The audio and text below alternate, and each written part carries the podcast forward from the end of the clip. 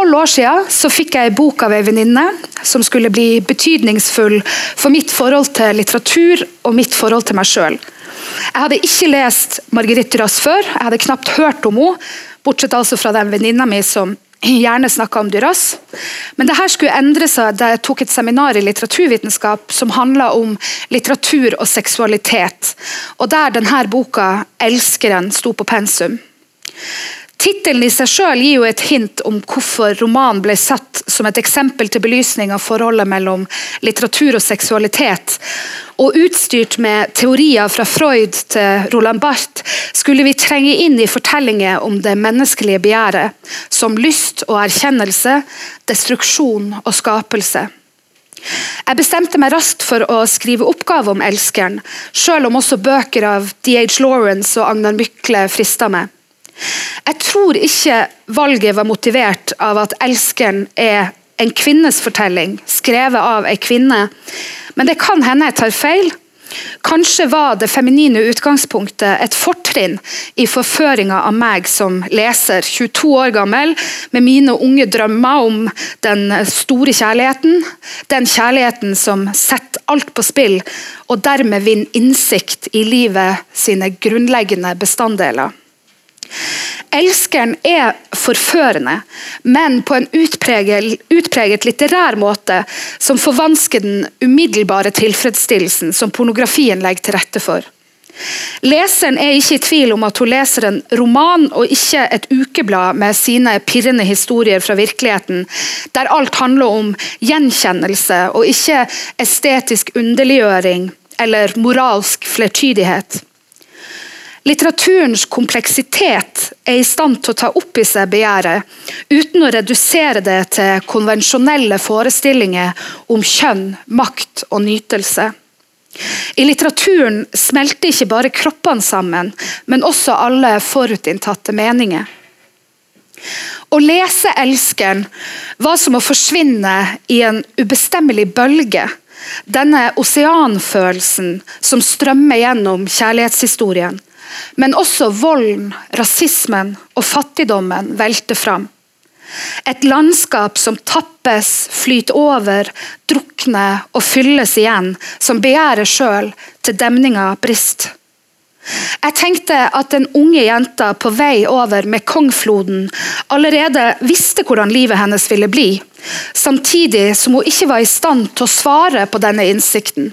En innsikt som tilhørte et annet vokabular enn det hun til nå hadde erverva. Kroppen hennes sped som et barns.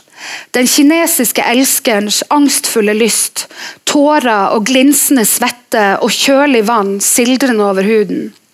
Sjelden har jeg lest en så sanselig bok. Å kalle den erotisk ville nesten være en begrensning. En innsnevring av virkefeltet for bildene som denne romanen skaper.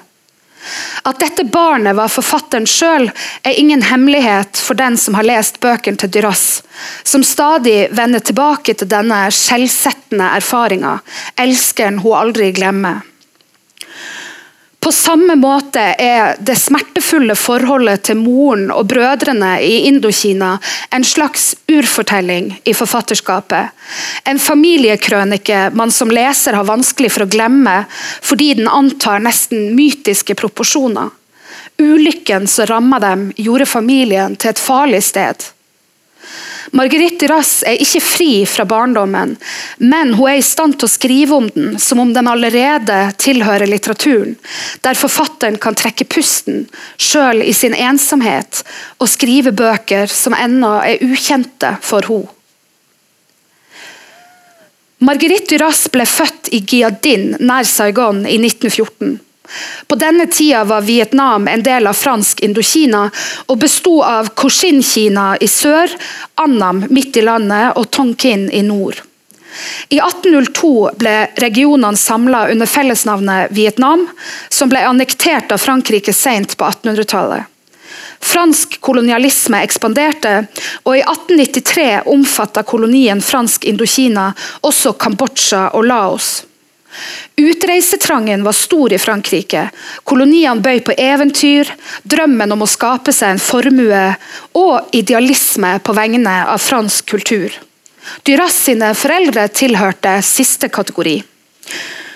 I 1905 fikk mora en stilling der hun underviste innfødte barn, mens faren var professor i matematikk, og han døde da Margarit var fire år. I 1924 flytta familien til Sadek, deretter Vinlong, landsbyer ved Mekongfloden. Mora, ei datter av fattige franske bønder, sparte penger i 20 år for å kunne kjøpe dyrkbar jord i Indokina. Hun kjøpte til slutt en gård uten å innse at det var nødvendig å gi bestikkelser, og da ble hun lurt. Med hjelp fra Duras og hennes to brødre så bygde mora en bungalow og planta ris. Men så snart regntida begynte, steg havet, oversvømte åkrene og ødela avlingen. Hun mista alt hun hadde spart. Hun sloss mot havet i årevis og bygde demninger som skylte vekk, til helsa hennes til slutt var ødelagt. Etter dette så var Marguerite overbevist om at verden er fundamentalt urettferdig. Likevel var barndommen hennes prega av stor frihet. Uten at noen passa på henne, lekte hun i regnskogen og jakta på fugler og småvilt som hun pga. fattigdommen tok med seg hjem for å spise. Fram til hun begynte på Sorbonne i Paris i 1932, levde Duras som et asiatisk barn og snakka flytende vietnamesisk. Duras har fortalt at hun fortrengte barndommen fullstendig da hun kom til Frankrike for å studere både familien og kolonien. Det smertelige var at hun ikke hadde noe hjemland. Duras egentlige etternavn var Donadieu, som betyr Guds gave. Det syntes hun var misvisende og skifta navn. 1930-årene i Paris var turbulente, men Duras engasjerte seg ikke i politiske motsetninger på denne tida, og deltok ikke i aksjoner mellom fascister og antifascister, som flere av hennes studiekamerater gjorde. Duras studerte matematikk, juss og statsvitenskap. Og I 1936 så traff hun Robert Antelm, som også studerte juss. Han var en spesiell personlighet, intelligent og sjenerøs. Sartre og Beauvoir var toneangivende filosofer i det intellektuelle miljøet de ferdes i. Dyras gifta seg med Antelm i 1939 etter at han måtte ut i militærtjeneste.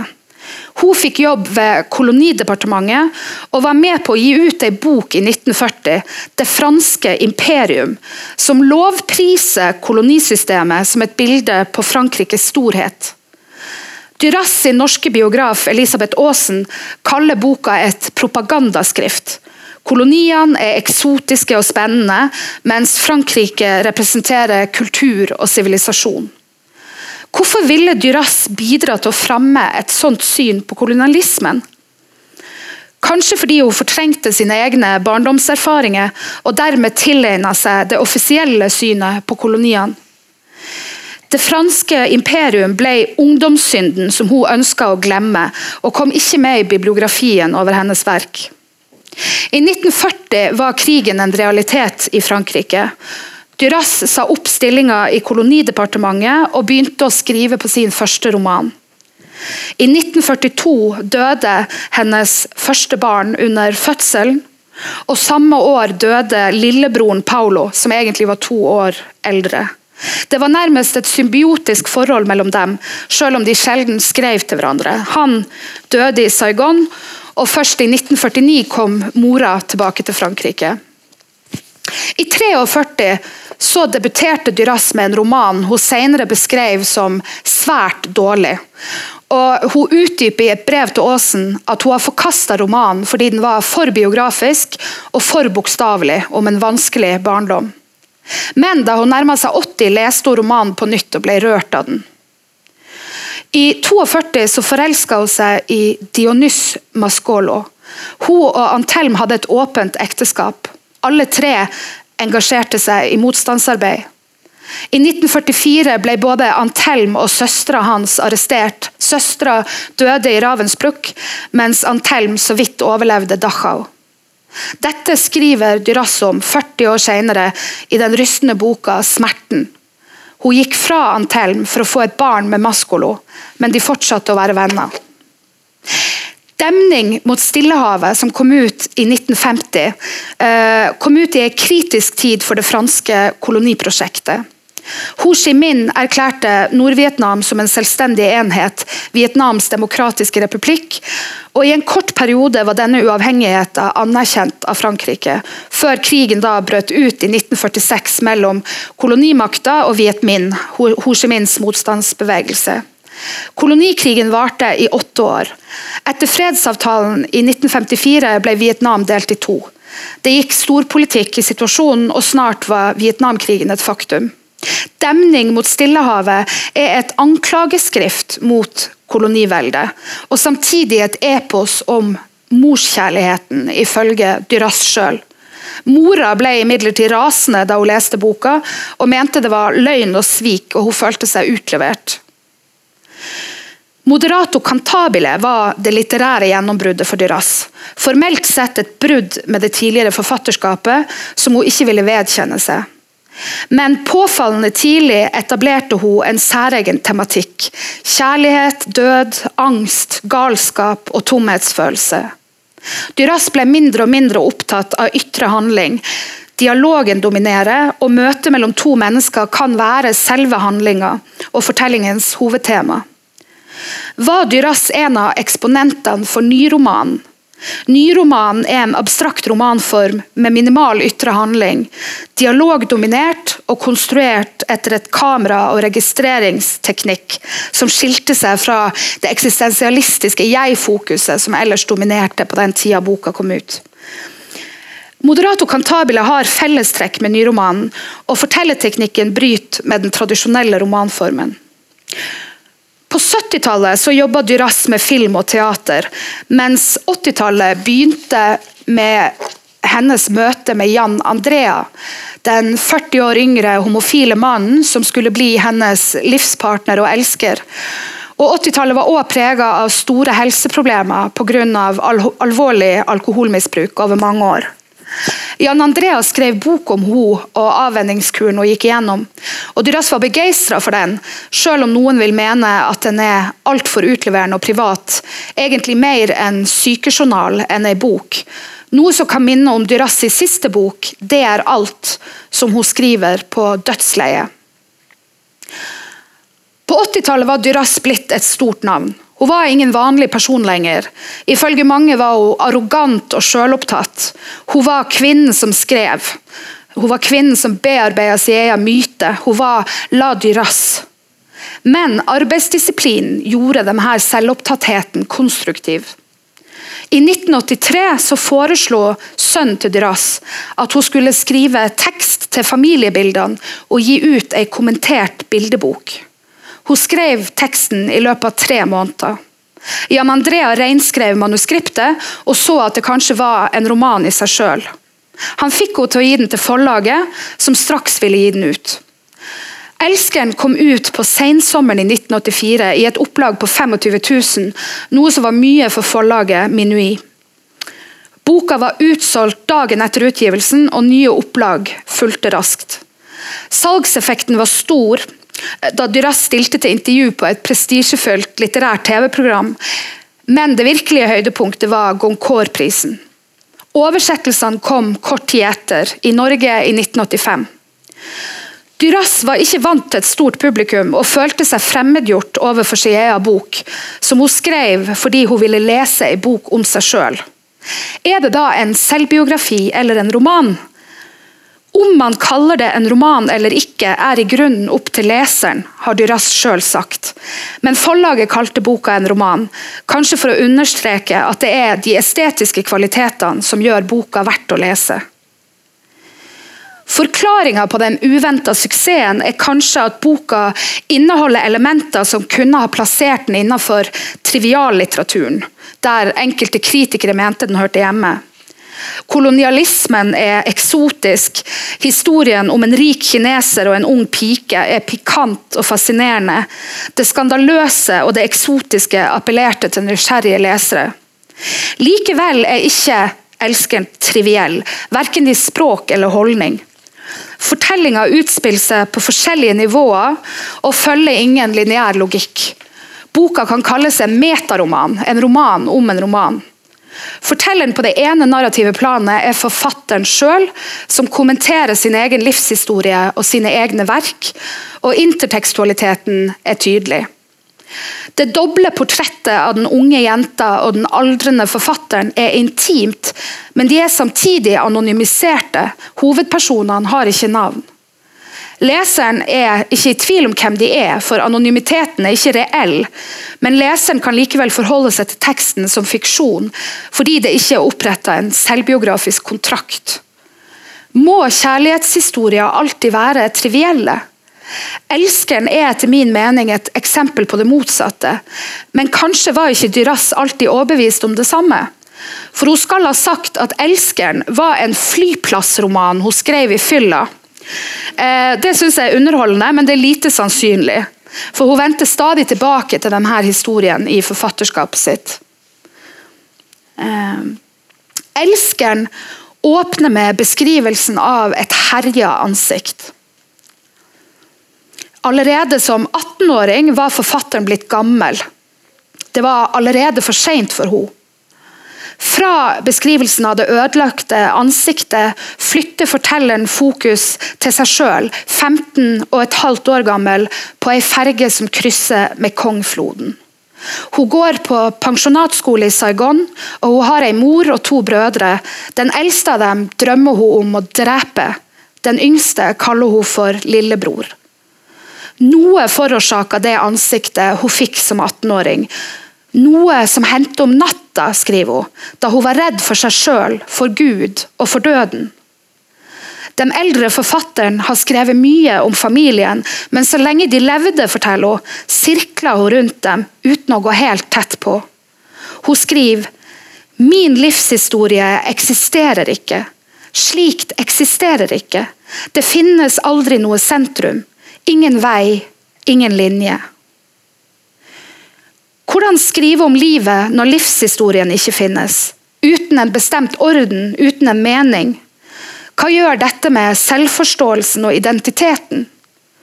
Før skrev hun om det som lå oppe i lyset, nå skriver hun om det skjulte i ungdomstida, det hun har fortrengt. Ansiktet som forma seg i ungdomsårene, bar bud om alkoholen som skulle komme inn i livet hennes, og alkoholen bare bekrefta ansiktet. Da jeg var 15, sto vellysten tegnet i ansiktet mitt uten at jeg kjente til vellyst. Den unge jenta bærer i seg sin egen skjebne. Hun er determinert til å bli ødelagt av begjær. Det er dette den eldre forfatteren nå kan se tydelig. Reisen over Mekongfloden finnes det ingen bilder av. En reise som bare ville ha blitt dokumentert dersom noen visste hvor stor betydning denne elveoverfarten ville få i hennes liv. Bare Gud visste, skriver hun. Men likevel ser leseren tydelig for seg jenta denne dagen. I en slitt kjole av natursilke arva av moren, uten ermer og svært utringa, med en lærreim rundt livet, høyhælte sko i med sminka og en herrehatt som gjør bildet tvetydig, bemerker fortelleren. Ingen går med sånne hatter i kolonien. Hatten gjorde det mulig for henne å se seg sjøl som en annen person, utenfra. På ferga står det en stor, svart limousin. Den er stor som et soverom, sier fortelleren med et tydelig frampek. En elegant herre sitter i bilen og ser på henne. Han er ikke hvit, men han er europeisk kledd. Som alle hvite kvinner i kolonien er hun allerede vant til å bli sett på. Og det handler ikke om skjønnhet, påpeker fortelleren. Jenta vet noe. Hun vet noe om hva som gjør kvinner vakre. De hvite kvinnenes skjønnhet er til ingen nytte. Den gjør dem ikke mindre tomme, de kan likevel bli gale av venting og stillstand i sine privilegerte liv. Allerede før det hun kaller erfaringen, visste hun at begjæret enten var der øyeblikkelig, eller det hadde aldri eksistert. Den unge jenta vil skrive, og dette ønsket ser ut til å ha sammenheng med begjæret som har blitt synlig i andres blikk på henne. Mora er imot det, fordi hun mener det ikke er ordentlig arbeid, bare en barnslig idé. Familien trenger penger, og sønnene ser ikke ut til å bli noe, så da er det opp til jenta. Mora oppmuntrer dattera til å utnytte menns interesse for henne. Forfatteren har i tidligere bøker skrevet om kjærligheten til mora, men nå vil hun skrive om hatet. Jeg har aldri skrevet, bare trodd at jeg har gjort det. Aldri elsket, bare trodd det. Aldri gjort annet enn å vente foran den lukkede døren. Bak den lukka døra er barndommen. Hun gransker et bilde av mora. Den slappe holdninga, hun smiler ikke, ansiktstrekkene er dratte, blikket søvnig, påkledninga skjødesløs. Fortelleren kjenner igjen tilstand som bildet varsler om. Den dype følelsen av at livet var meningsløst hver dag. Hun sier at hun har glemt mora. Huden, øynene, stemmen, latteren og skrikene. Og at det derfor har blitt mulig endelig å skrive om mora. Hun er blitt hurtigskrift. Som voksen ser hun tydelig at mora var helt gal, og at galskapen var hennes måte å være frisk på. Fortelleren hopper fram og tilbake i tid og viser på den måten at en livshistorie aldri er rettlinja, og at de viktigste øyeblikkene er knytta til hverandre i sammenhenger vi ikke kan overskue. De ulike epokene i livet er ikke adskilt fra hverandre, og hukommelsen fester seg like gjerne til ubetydelige detaljer som til de mest meningslada situasjonene. Fortellermåten er springende, den følger minnenes knoppskyting med metakommentarer og innskudd. Den elegante herren kommer bort til den unge jenta. Han er sjenert, han må komme over raseforskjellen. Og Så innleder han en samtale og gir henne komplimenter. Han forteller at familien kommer fra Nord-Kina, at han bor i Sadek like ved elva. Hun går med på å få skyss av kineseren. Når hun setter seg i bilen, aner hun et visst ubehag, en tretthet. Lyset over floden blir mørkere, men bare så vidt. Nesten en slags lett sløvhet også, en tåke over det hele.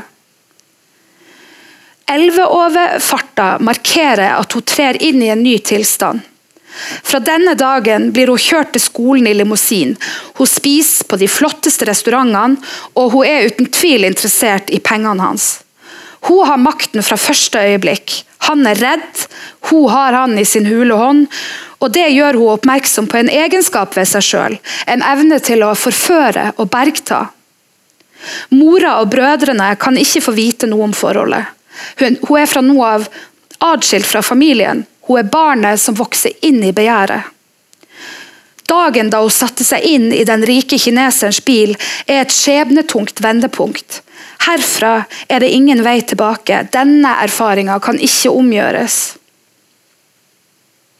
Han tar henne med til en leilighet i den sørlige delen av byen, moderne innreda med lukka skodde.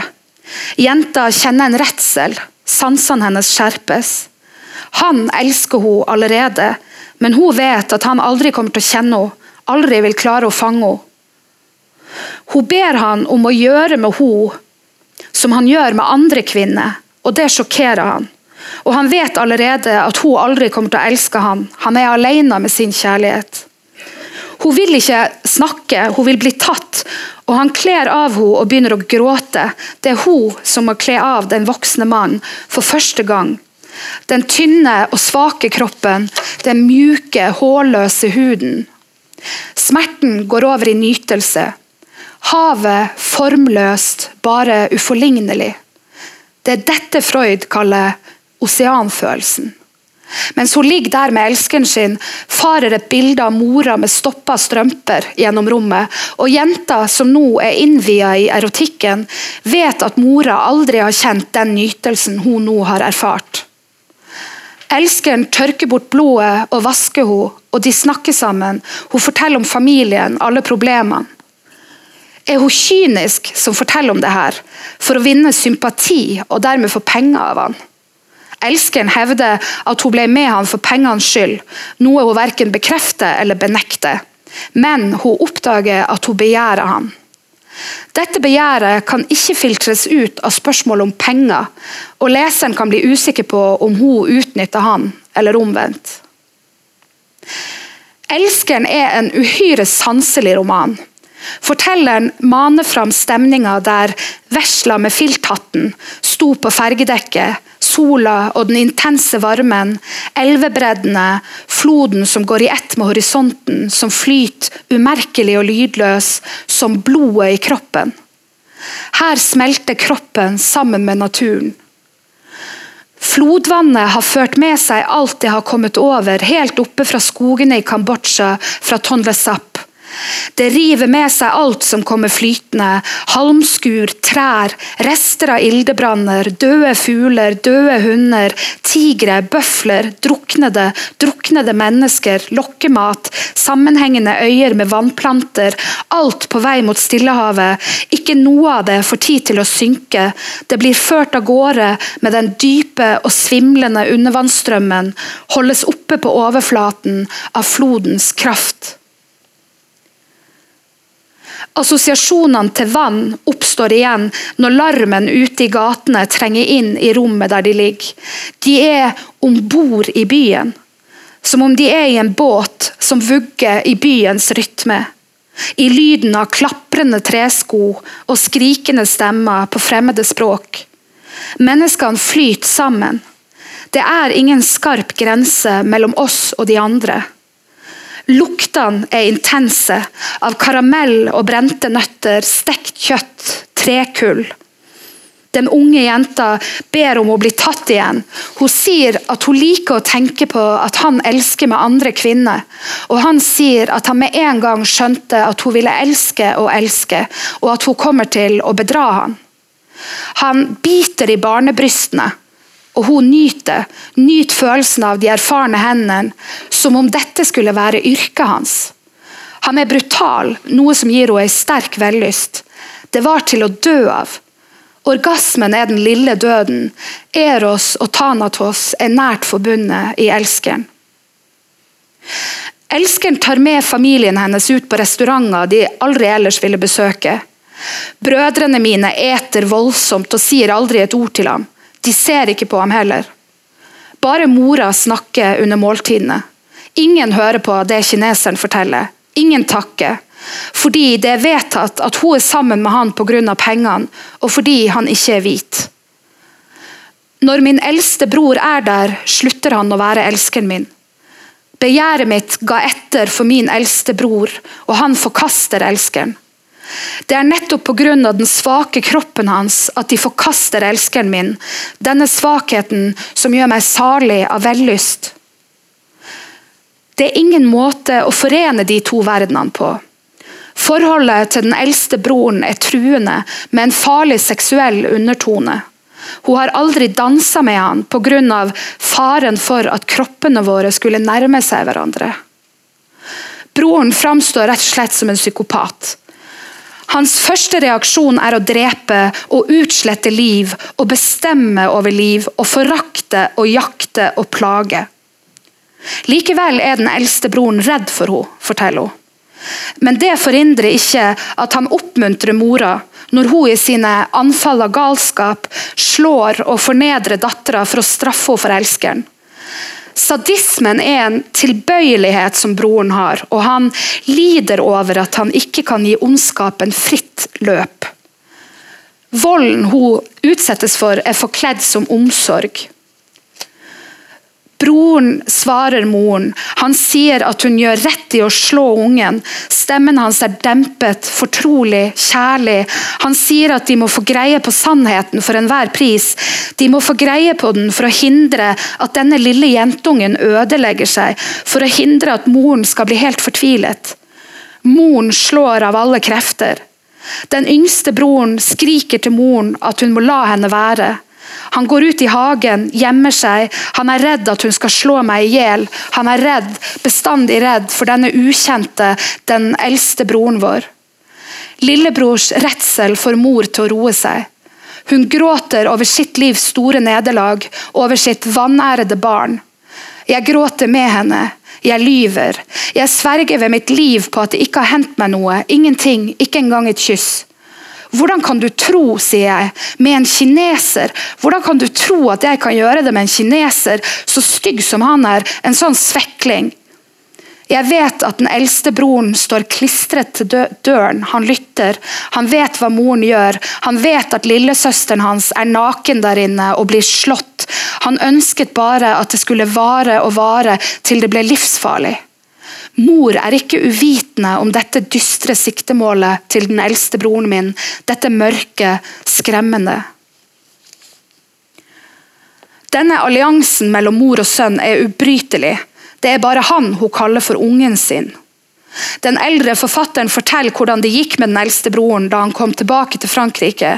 Han spilte bort alt. Moras eiendom, møbler, han stjal mat. Han stjal alt han fant. Mora avviste han aldri, og da han døde, ble han begravet i samme grav som hun. Bare de to. Det er rett og riktig. Bildet er uutholdelig praktfullt. Det kan ikke være lett å vite hva mora vil ha. Hun ser ut til å være stolt over datteras tiltrekningskraft, og det at menn har lyst på den vesla, den lille der, ikke helt utviklet ennå. Se på henne, hun er bare barnet ennå. Mora ler av skandalen når hun snakker med lærerne til dattera på skolen. Men dattera forteller henne aldri om det hun gjør med kineseren. Det går en grense der som ikke kan krysses. Det er en historie som ikke kan deles. Forholdet blir kjent i Sadek, og sladderen går om hele familien. De er en familie av hvite kjeltringer. Fortelleren snakker mobbens språk. Hver kveld skal denne fordervede jentungen få kroppen sin kjærtegnet av en skitten kinesermillionær. De hvite jentene på skolen får beskjed om ikke å snakke med henne. Hun får lov til å komme og gå eh, når hun vil. På pensjonatskolen er det ingen som kan straffe henne. Hun er ikke som de andre. Hun er hele tida på vakt for mora sine skiftende sinnsstemninger og oppmerksomhet. Hun var rolig og fredelig, ikke ondskapsfull. Hun hadde plutselig oppdaget datteren sin og fått lyst til å snakke med henne. Er kjærligheten til mora like umulig som kjærligheten til elskeren? Hos elskeren får hun en ømhet som mora sjelden er i stand til å gi henne. Elskeren er svak, mens mora er sterk. Det er denne svake kroppen mora og brødrene forakter. Familien beskrives ofte som usiviliserte, nesten som dyr, ute av stand til å snakke med hverandre, og volden ligger altså like under overflaten mens elskeren er kultivert, omtenksom og gir stadig uttrykk for følelser og sårbarhet. Familien og elskeren kommer fra to forskjellige verdener. Noe som er knytta til rase og klasse, men også til noe annet, noe mer ubestemmelig. Familien er skruppelløs, mens elskeren har moralske kvaler. Familien har ingenting å tape, mens elskeren risikerer alt. Elskerens begjær etter kroppen hennes er umettelig, og det overskrider det rent erotiske. Han skjelner mindre klart grensen for kroppen, som ikke er ferdig ennå, som fortsatt vokser. Hun blir hans barn. Det var med barnet sitt han elsket hver kveld. Han tar henne som han ville tatt barnet sitt. Han ville tatt barnet sitt på samme måte.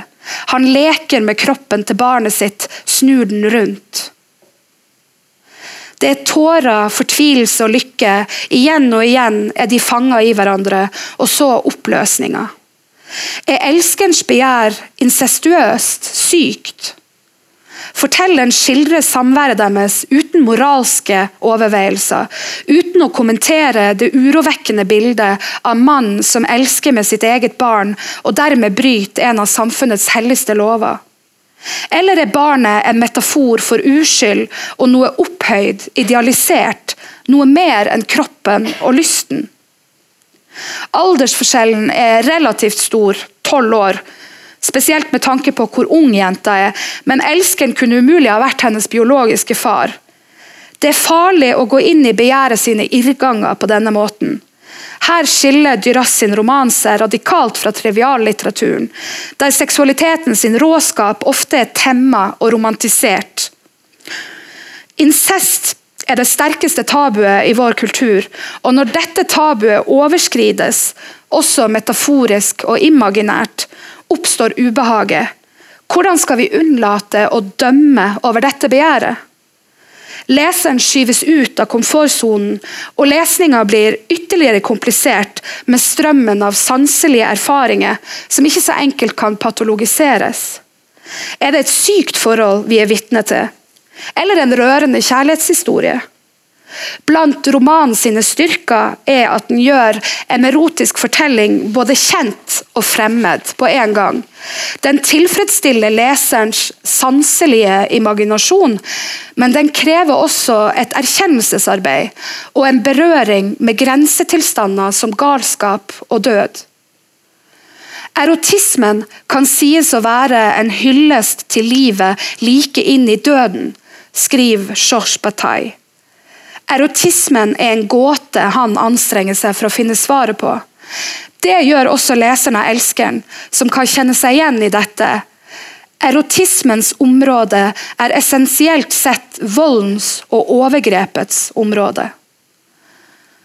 Moras fysiske avstraffelse, den eldste brorens sadisme, elskerens begjær for barnekroppen, den unge jenta har erfaringer som gjør henne voksen, men som også ødelegger ansiktet hennes. Om seksualiteten har tatt skade av erfaringen, kommenterer ikke den eldre forfatteren. Forholdet er en vei til selvinnsikt, forstår den unge jenta når slutten nærmer seg. Jeg tror at livet mitt har begynt å vise seg for meg. Jeg tror at jeg alt kan si det til meg selv. Jeg har en vag lyst til å dø. Hun har forlatt familien. Hun skal skrive bøker. Forfatteren minnes da hun fikk telegrammet om at lillebroren var død i Saigon. Hun var omslutta av smerte, hun ville ta livet sitt. Det var en skandale etter Guds målestokk at han døde, for han var udødelig. I den stund han var død, han, lillebror, måtte alt annet også dø. Og jeg er død.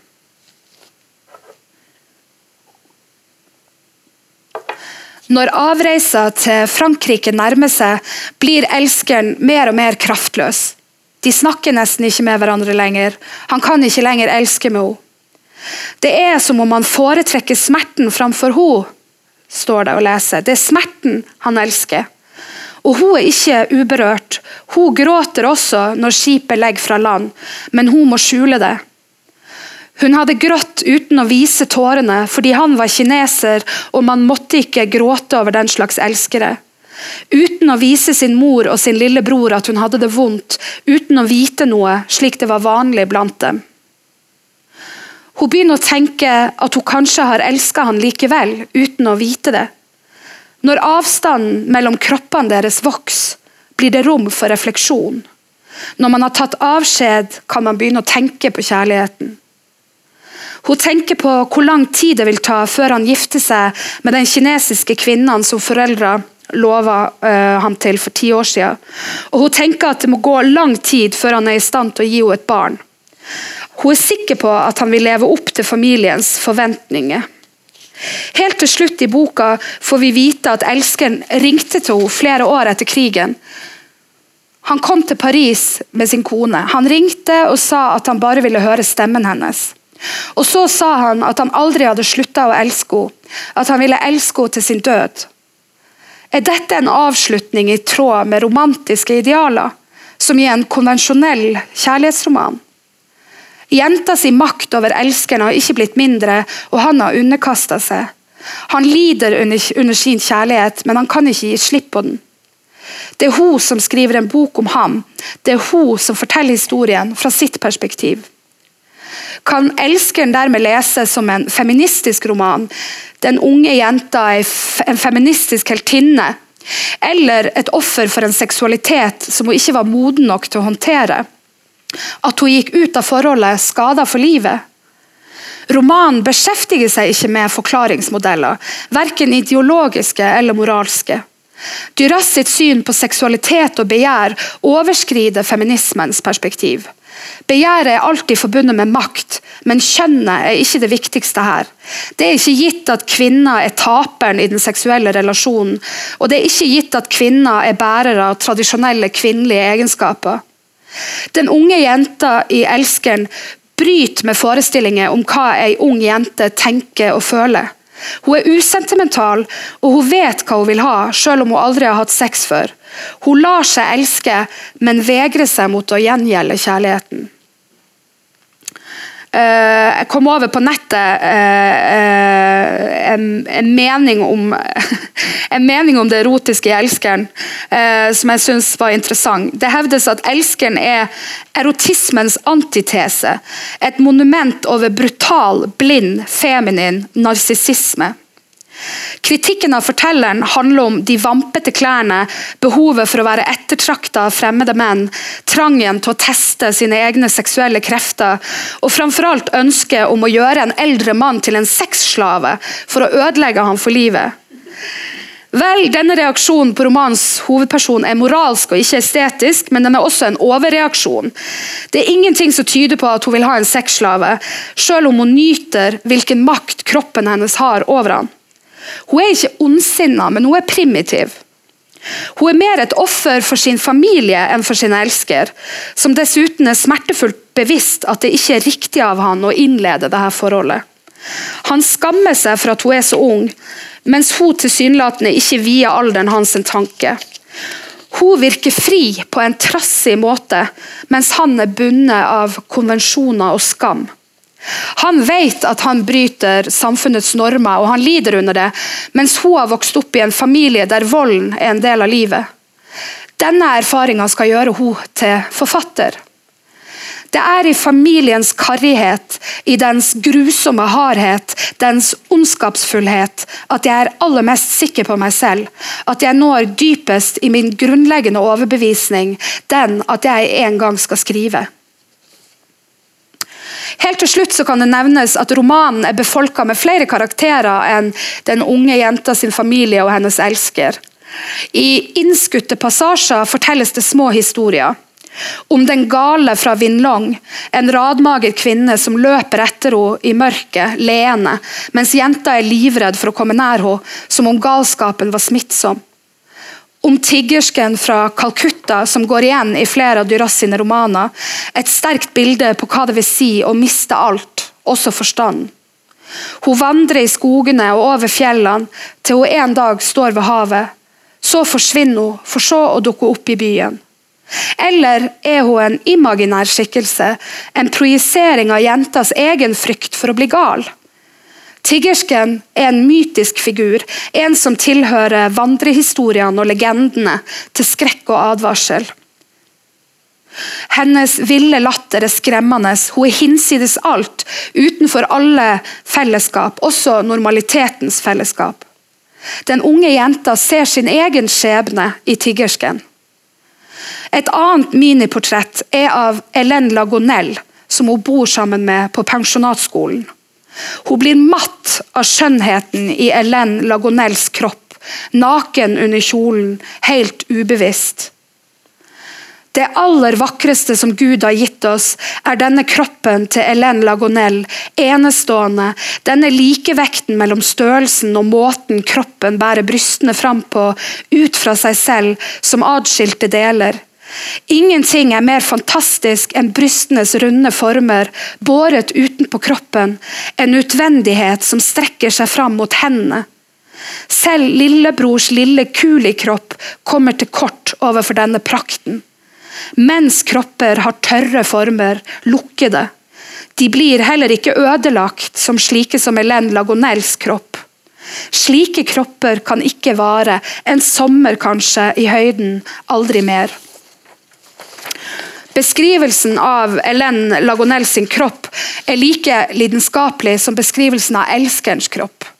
Hun vil at Hélène Lagonelle skal ta hennes plass hos elskeren.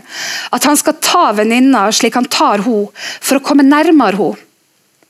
Til sist, under overfarten til Frankrike, fortelles det om en ung mann på båten som reiste seg midt under et kortspill, løp over dekk og kasta seg i havet. Forfatteren korrigerer sitt eget minne. Det var en historie hun hørte i Sadek. Hvilken funksjon har disse små fortellingene?